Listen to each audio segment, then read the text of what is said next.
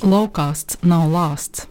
Tas ir miglaino sakritību stāsts un šīs dienas forecāsts. Laikapstākļiem nav nozīmes. Tu tāpat nekur nevar iet. Tev jāklausās laukāsts.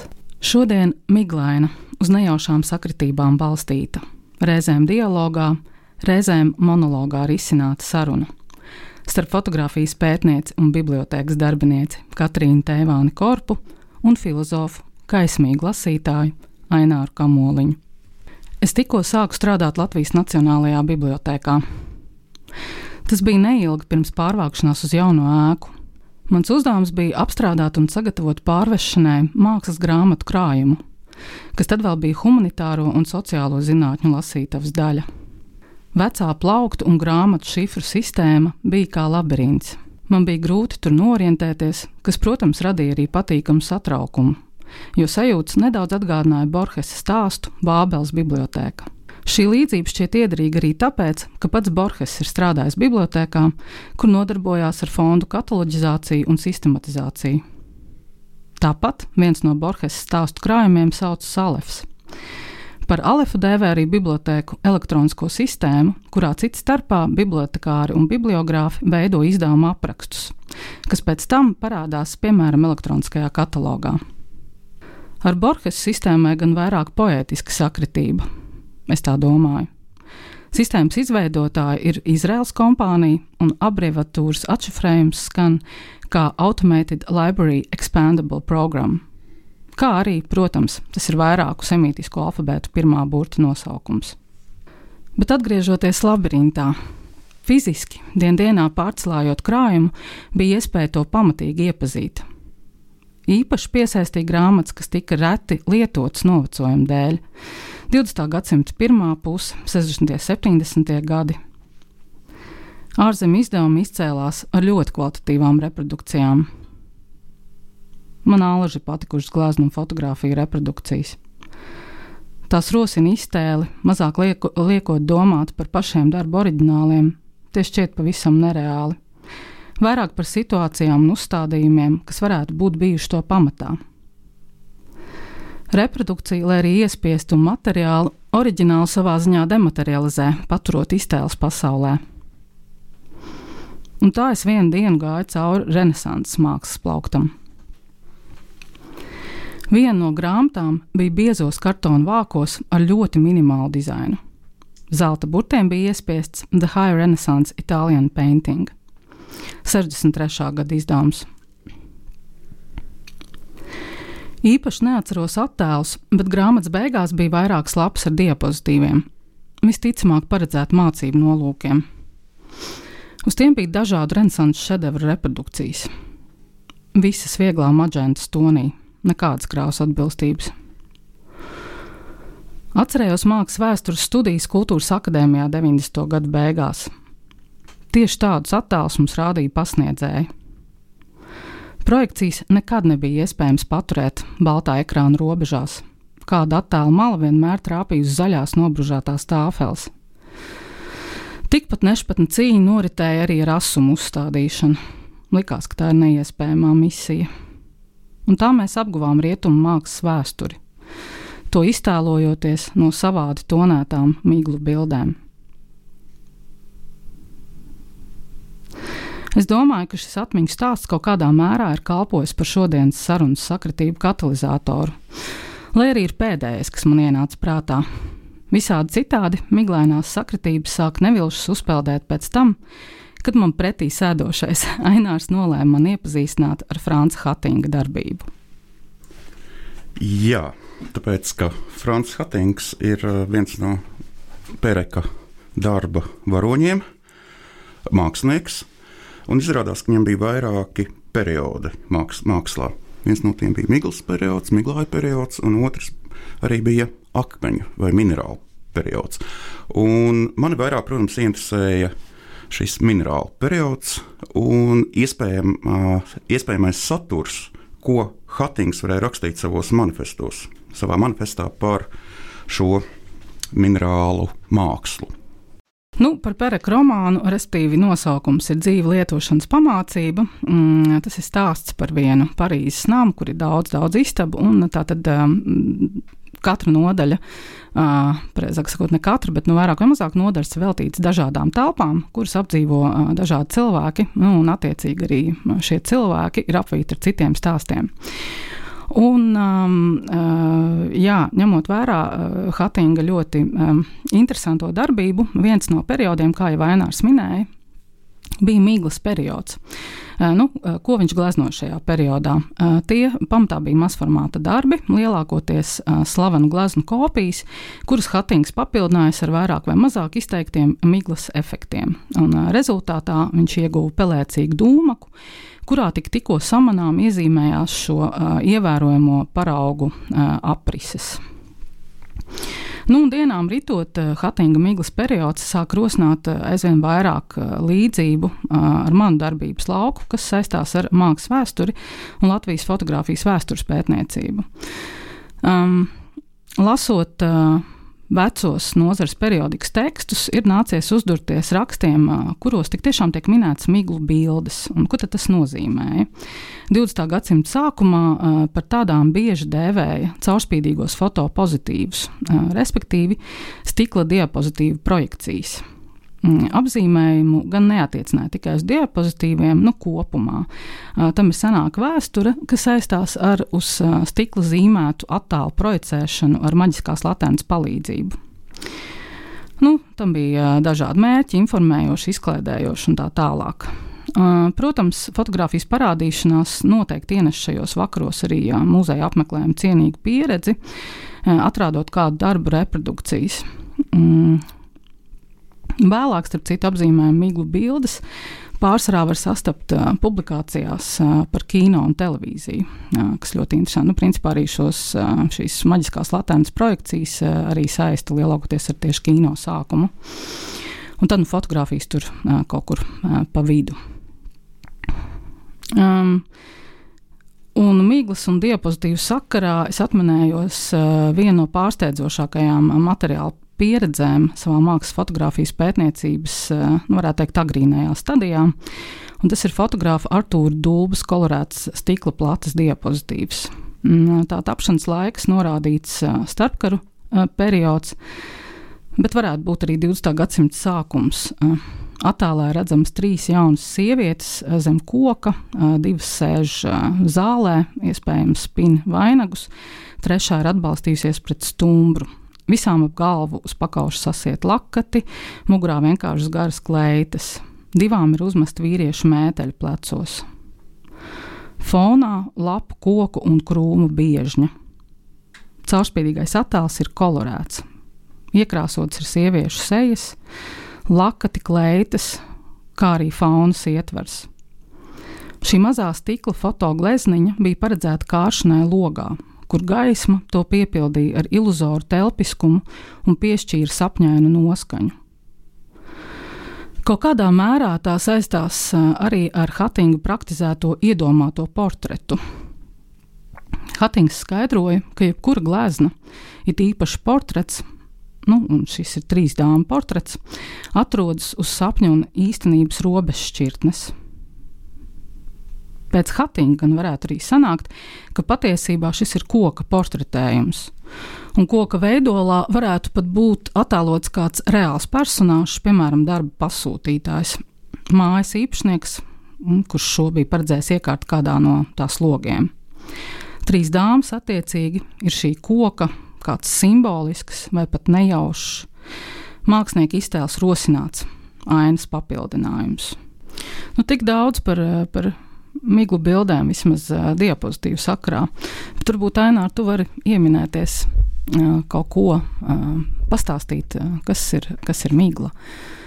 Tīri tā, lai mēs uh, vēl labāk varam iztēloties uh, gan, uh, gan Hatinga, teiksim, to pasauli, ja ņemot vērā, ka viņam par viņa darbiem bija rakstīta brīnišķīga esēja, ja nemaldos ar nosaukumu Esības miglāji. Mm, varbūt varētu pakomentēt šo punktu. Jā, jo esības miglāji atgādina uzreiz, kā tās būtu pārdomas par noteikta veida ontoloģiju, kurā migla būtu centrā. Un no vienas puses filozofi ir pievērsuši uzmanību paš, pašam miglas fenomenam, bet pārsvarā no tāda kā meteoroloģiska skatījuma. Taču ir viens piemērs, kur migla tiek ap, apskatīta nedaudz citādākā griezumā. Proti, ka migla patiesībā var tikt skatīta kā mūsu īstenībā dvēsele vai apziņa. Proti, ka mūsos katrā jau ir migla faktiski. Un autors ir Tīts Lukrēcijas Kārs savā darbā par lietu dabu. Viņš raksta, Daudzkārt mazāki, tomēr ir dvēseles sākumi pirmie, sīkāki vēl nekā tie, kas plūstošo ūdeni veido, vai arī miglu un dūmus, jo kustīgums te ir daudz lielāks. Paši mazākie triecieni izraisa kustību tajā, Dvēseli kustināt iespēja jau dūmu un miglāju tēlu. Un, eh, kas tad tik, Titam Lukrēcijam uh, ir šis, šie, šī migla? Uh, tie bez šaubām ir rēgi, tie vienīgi sapnī mums rādās. Un savukārt, kad mēs mirstam, virzienos visos un valgumu iztekam, mirdzošām strūklām, tāpat migla vai dūms izgaistam liegajās vēsmās.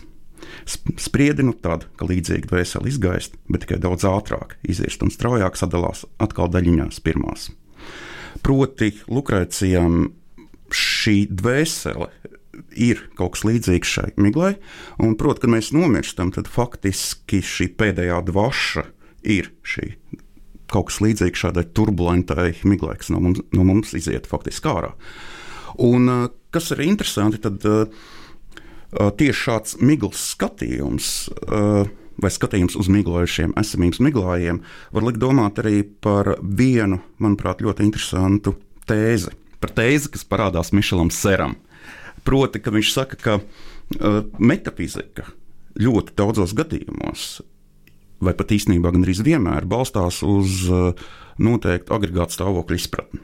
Proti, kad ir uh, ciets, uh, šķidrs vai arī gāzveida. Un viņš saka, ka klasiskā metafizika balstās tieši šo cietību.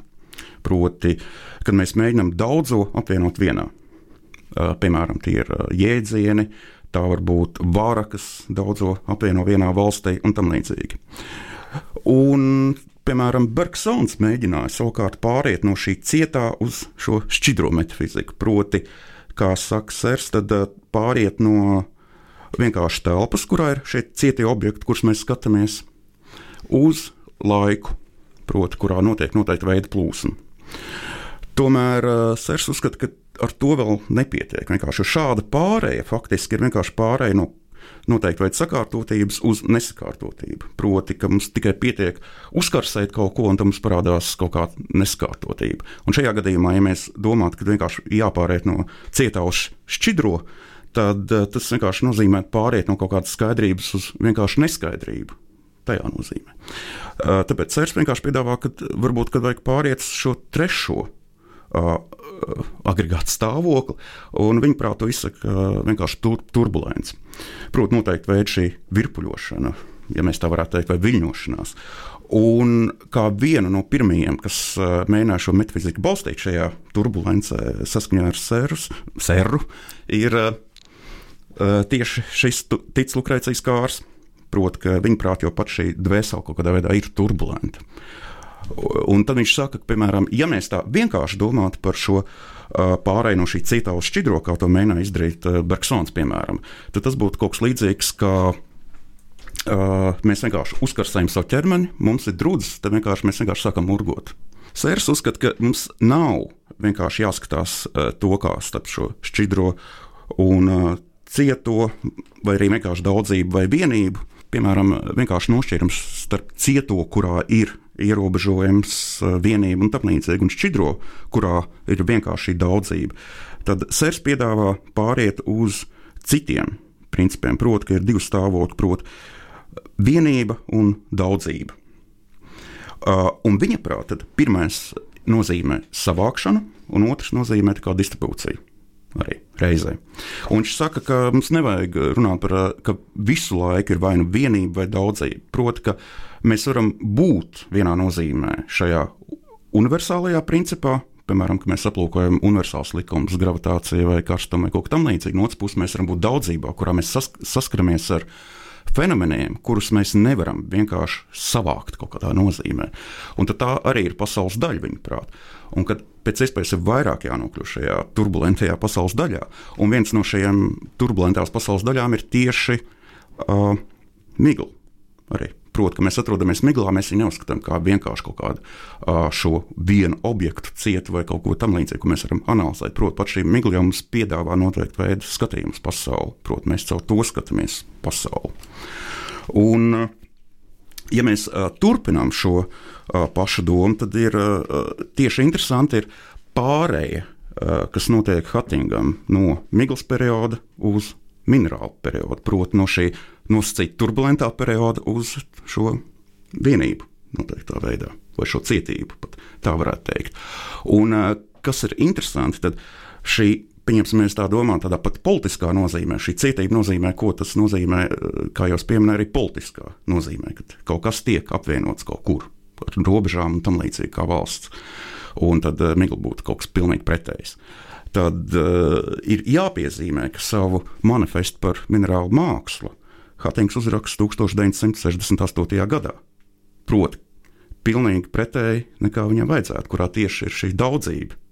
Bet viņš pretēji, vienkārši iet pretēji šai politiskajai uzstādījumam. Un, man liekas, arī pat šī Hatinga biogrāfijas laika ir uzrādīta, ka viņš ir nedaudz pretēji tam, kas notiek.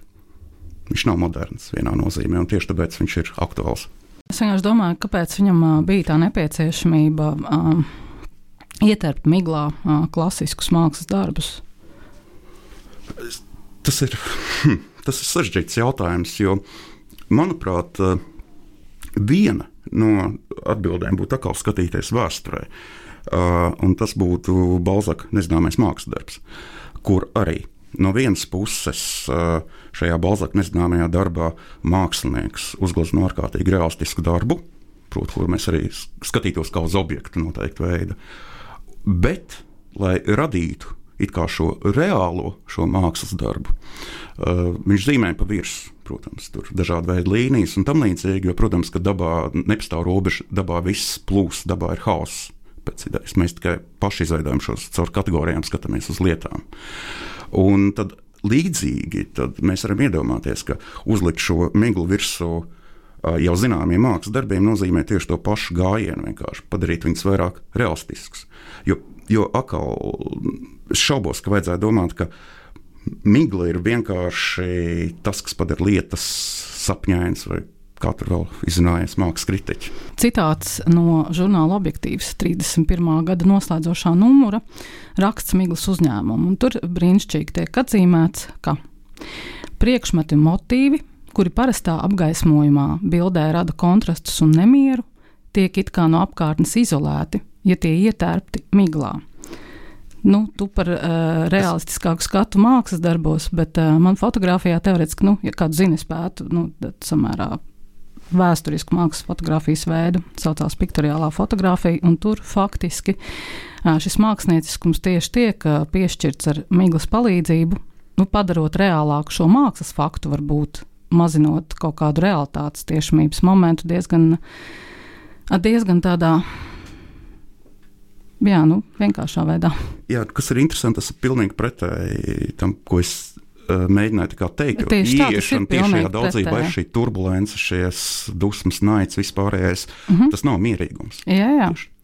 Nu, redz, fotografija, un teiksim, šajā mākslas fotografijā tas ir tieši otrādi. Ja? Skaidrs skatiens rada šo nemieru, šie kontrasti rada nemieru, bet savukārt šis smiglas moments uh, kaut kādā veidā atvešina no realitātes un ievada šajā meteoroloģiskajā lirismā, ja tā varētu teikt, fotografijas izpratnē, kur tomēr, nu, teiksim, ainavas arī bija ļoti bieži uh, iecienīts žanrs.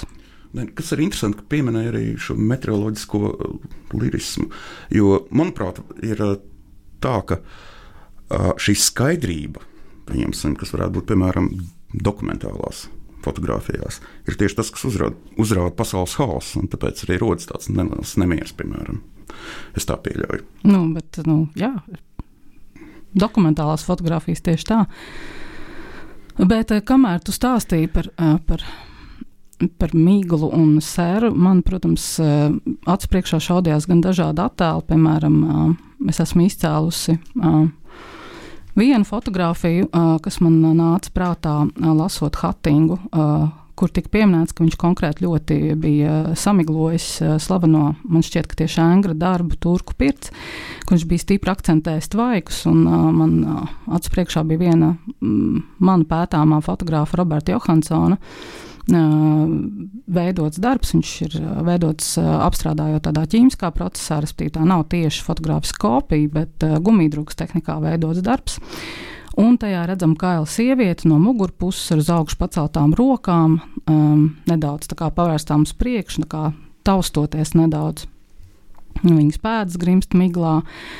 Un viss, eh, viss šī mīkla aizpild pilnīgi visu kadru, un sieviete kā gatavojas tajā doties iekšā. Un, eh, nu, tad, tad neliela humoreska, bet, protams, vienmēr uh, tiek interpretēts šis darbs arī tādā simbolismu kontekstā, un tur dvēseles transcendents, tur kontekstā transformācijas, garīgās pārdzimšanas un, tā tālāk un tā joprojām. Uh, bet uh, vienmēr, protams, ir interesanti padomāt arī fotografijas kontekstā, no kuras tad realitātes šī migla uh, norobežo, kas ir šīs miglas fonā. Un varbūt tik tiešām viņi vienkārši dodas pirtī šajā absolūtajā biežņā, un tur nav nekādas, nekādas turbulences, nekādas pārdzimšanas, pilnīgi nekā. Varbūt, varbūt arī nē. Ka ir vēl viena versija, kā uz to skatīties. Jo, ja mēs atkal aplūkojam miglu, tad uh, neskatīties vienkārši, ka ir vai nu viena vai otra pasaule. Vienkārši migla ir pasaules daļa. Bet, uh, kas ir interesanti, tad pieņemsim šī turbulence gan kāram, gan šim seram uh, asociējas tieši ar lietu dzimšanu. Tieši šajā turbulencē viņas rodas, pirms mēs viņus vienkārši ieraugām, kādas viņas ir. Un uh, tieši tāpēc arī parādās, ka klasiskā zinātne var pētīt visu to, kas ir determinēts, skaidrs un tā tālāk. Savukārt šīs, kas ir nedeterminētais šajā turbulencē, tad rodas šīs jaunās iespējas vai šīs jaunās daudzības. Un tāpēc arī, piemēram, pateikt, ka parādīt sievieti šajā miglā un tādējādi teikt, ka tur kaut kas dzimst, vai arī līdzīgi kā klasiskajos darbos, ja tur Venēra iznāk no jūras, arī no turbulences parādās šīs skaistums vai sieviete vai kaut kas tamlīdzīgs. Tas it kā ir adekvāti. Un eh, tāpēc arī. Piemēram, mēs varam runāt, ka no vienas puses ir šī esamības plūsma, no otras puses ir šī esamības migla. Eh, proti, vienā gadījumā mēs runājam par eh, šo ņūtonisko laiku, šo pulksteņu laiku, no otras puses mēs arī latviešu runājam par meteoroloģisko laiku, proti, par to, ko mēs it kā nekad nevaram paredzēt bieži vien. Un tieši arī tur arī rodas šīs daudzās iespējamības un skaistuma un tam līdzīgi. Tā ir vēl viena tāda interpretācija. Nu, jebkurā gadījumā mēs nonākam pie vēl viena romāna, ko tu man ieteici palasīt mm, sakarā ar fotografiju. Mm, tieši. Un tas ir Bērils Bainbridges romāns Master Georgie. Nu, īsumā romāna galvenais varonis ir vīrietis vārdā Džordžs Hārdijs, tad Viktorijas laika, nu buržujs varētu teikt, mediķis un am amatieru fotogrāfs, kurš 1850. gados pieņem lēmumu kā brīvprātīgais ņemt dalību Krimas karā. Eh, nu, un kas ir vēl interesants šī romāna sakarā, eh, ka katra romāna nodaļa tiek saistīta ar konkrētu tajā aprakstītu fotografiju. Un faktiski arī tiek eh, nosaukta šīs fotografijas nu, vārdā vai tēmā. Nav mazsvarīgi, ka Krimas karš principā skaitās laikam pirmais par kuru ir veidots uh, mērķiecīgi fotografiskas liecības. Manuprāt, tas bija vispār viens no tādiem pirmajiem lielajiem mēdīju kariem, faktiski, kurā pat piedalījās mums tik labi zināmais Marks. Tajā nozīmē, ka viņš rakstīja Ņujorkai no Vācijas uh, aprakstus par uh, Krimas karu, proti, visas šīs reportāžas un tam līdzīgi.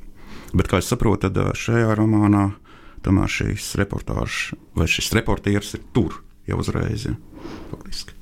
Mm, jā, un arī, protams, tur fotografija tiek skatīta nu, citā līmenī, vairāk metaforiskā, simboliskā attiecībā ar, teiksim, ar realitāti, ar nāvi, vai ir iespējams par šo realitāti kaut kādā veidā uh, attēlot. Restīvi ir šis viens punkts, kur fotografija tiek uzņemta, bet viss nodaļa ir par notikumu, kas ir ap šo fotografiju. Un uh, savā ziņā arī par to, ka fotografija šo notikumu nespēja iemūžināt, un uh, tas arī tiek kaut kādā mērā iezīmēts ar to, ka Hārdija fotografijām piemīt tāda nelāga īpašība, kā kā nomelnēt pēc diezgan īsa laika perioda. Tad šīs fotogrāfijas nesaglabājas, šīs liecības nesaglabājas.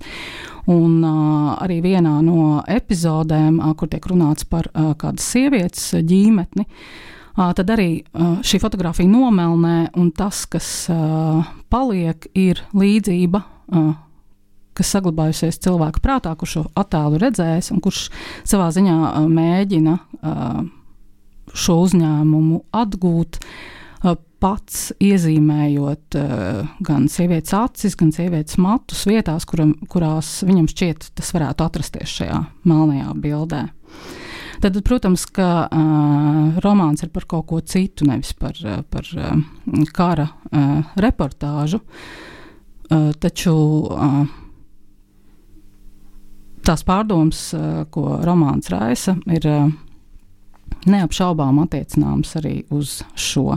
Cits starpā runājot tieši vēlreiz par to uh, Krīmas kara uh, fotoreportāžu, tad fotogrāfs, kas parasti, nu, kas arī ir uh, šis uh, galvenais cilvēks, bija vārdā Rodžers Fentons, un uh, viņš uh, radīja aptuveni 360 attēlus. Uh, un tas tiešām bija ārkārtīgi sarežģīti tajā laikā, ņemot vērā, ka šajos gados nu, viņš fotografēja visticamāk, nu nevis visticamāk, viņš fotografēja uz slapjām kolodiju platēm, tā saucamajām. Un, tās bija jāapstrādā 15 minūtes pēc uzņemšanas. Nu, tā aptuveni. Līdz ar to viņš pārvietojās ar darbnīcu, viņš uzņēma fotografiju, un viņa nekavējoties bija arī jāattīsta, nu, jo pretējā gadījumā viņa pazuda. Nu, lūk, līdz ar to, jā, un ar tādu pašu, protams, kameru fotografēja arī Hārdijs. E, viņa dzīve apraujas romāna beigās, un kas ir interesanti, tad viņš jau miris būdams, tiek iestudēts kādā fotokompozīcijā, kuras mērķis bija radīt attēlu kas pausta to, ka cik labi klājas britu karavīriem svešumā un cik labi viņi principā vada laiku karā. Nu, tā tad, lai palicējiem būtu mierīgs prāts un, un cerība pilns sirds. Un viņš tiek iestudēts šajā dzīvo karavīru kompozīcijā, nu, vienkārši lai papildinātu šo uh, figurālo veidojumu. Uh, lai gan viņš jau, protams, miris, nu, kas arī ir ļoti, uh, gan, es domāju, tāda kaut kāda metaforiska parafrāze par vēsturi, arī par fotografiju un tā tālāk. Taču, taču arī bija reāla praksa bērēs fotografēt miršos starp dzīvējiem. Ne? Jā, miršos starp. Nu, tās prakses, protams, ir bijušas eh, dažādas, un postmortem fotografija ir eh, nu, ārkārtīgi interesants fenomens. Arī šajā romānā tā nav uh, vienīgā fotografija, par kuru ir runa, uh, kas ir kompozīcija kopā ar mirušo. Ar šādu fotografiju arī viss romāns sākas. Labi, un kāpēc tas liekas kaut kādā veidā saistīts arī ar Hattingu, ja nemaldos? Ne? Es jau tā teicu, man pievērsa uzmanību ļoti tas attēls, nomelnējušais attēls tieši, kur šis reālais tēls, fotografētais, uh, bija jaušams tikai kā aprises. Un praktiski šīs aprises, domāju, bija iespējams saskatīt tikai cilvēkam, kurš uh, zina, kas uz šī attēla ir attēlots. Tieši tāpat, kā es domāju, tikai rietumu mākslas pazinējs, skatoties Hatinga uh, miglu bildes, varētu saprast, kā aiz tās miglas atrodas, piemēram, Monas Līsas portrets. Jā, vai arī, piemēram, arī tas piemērs par viņa fotografijas, kā šos nomalnējušās fotografijas, kā šo zīmēšanu, ja mēs atgriežamies pie šīs sākotnējās turbulences, kā jauna dzimšana, tas arī var būt simboliskais akts, kurā šī sieviete atzīst, vismaz atmiņās vai caur atmiņām. Respektīvi, viss, kas mums paliek, ir atmiņas un miglainas sakritības. Miglaino sakritību saruna Katrīna Tēvāna Korpa un Ainārs Kamoliņš par laukās trūpējas galerija Lau, Radio Naba un valsts kultūra kapitāla fonds.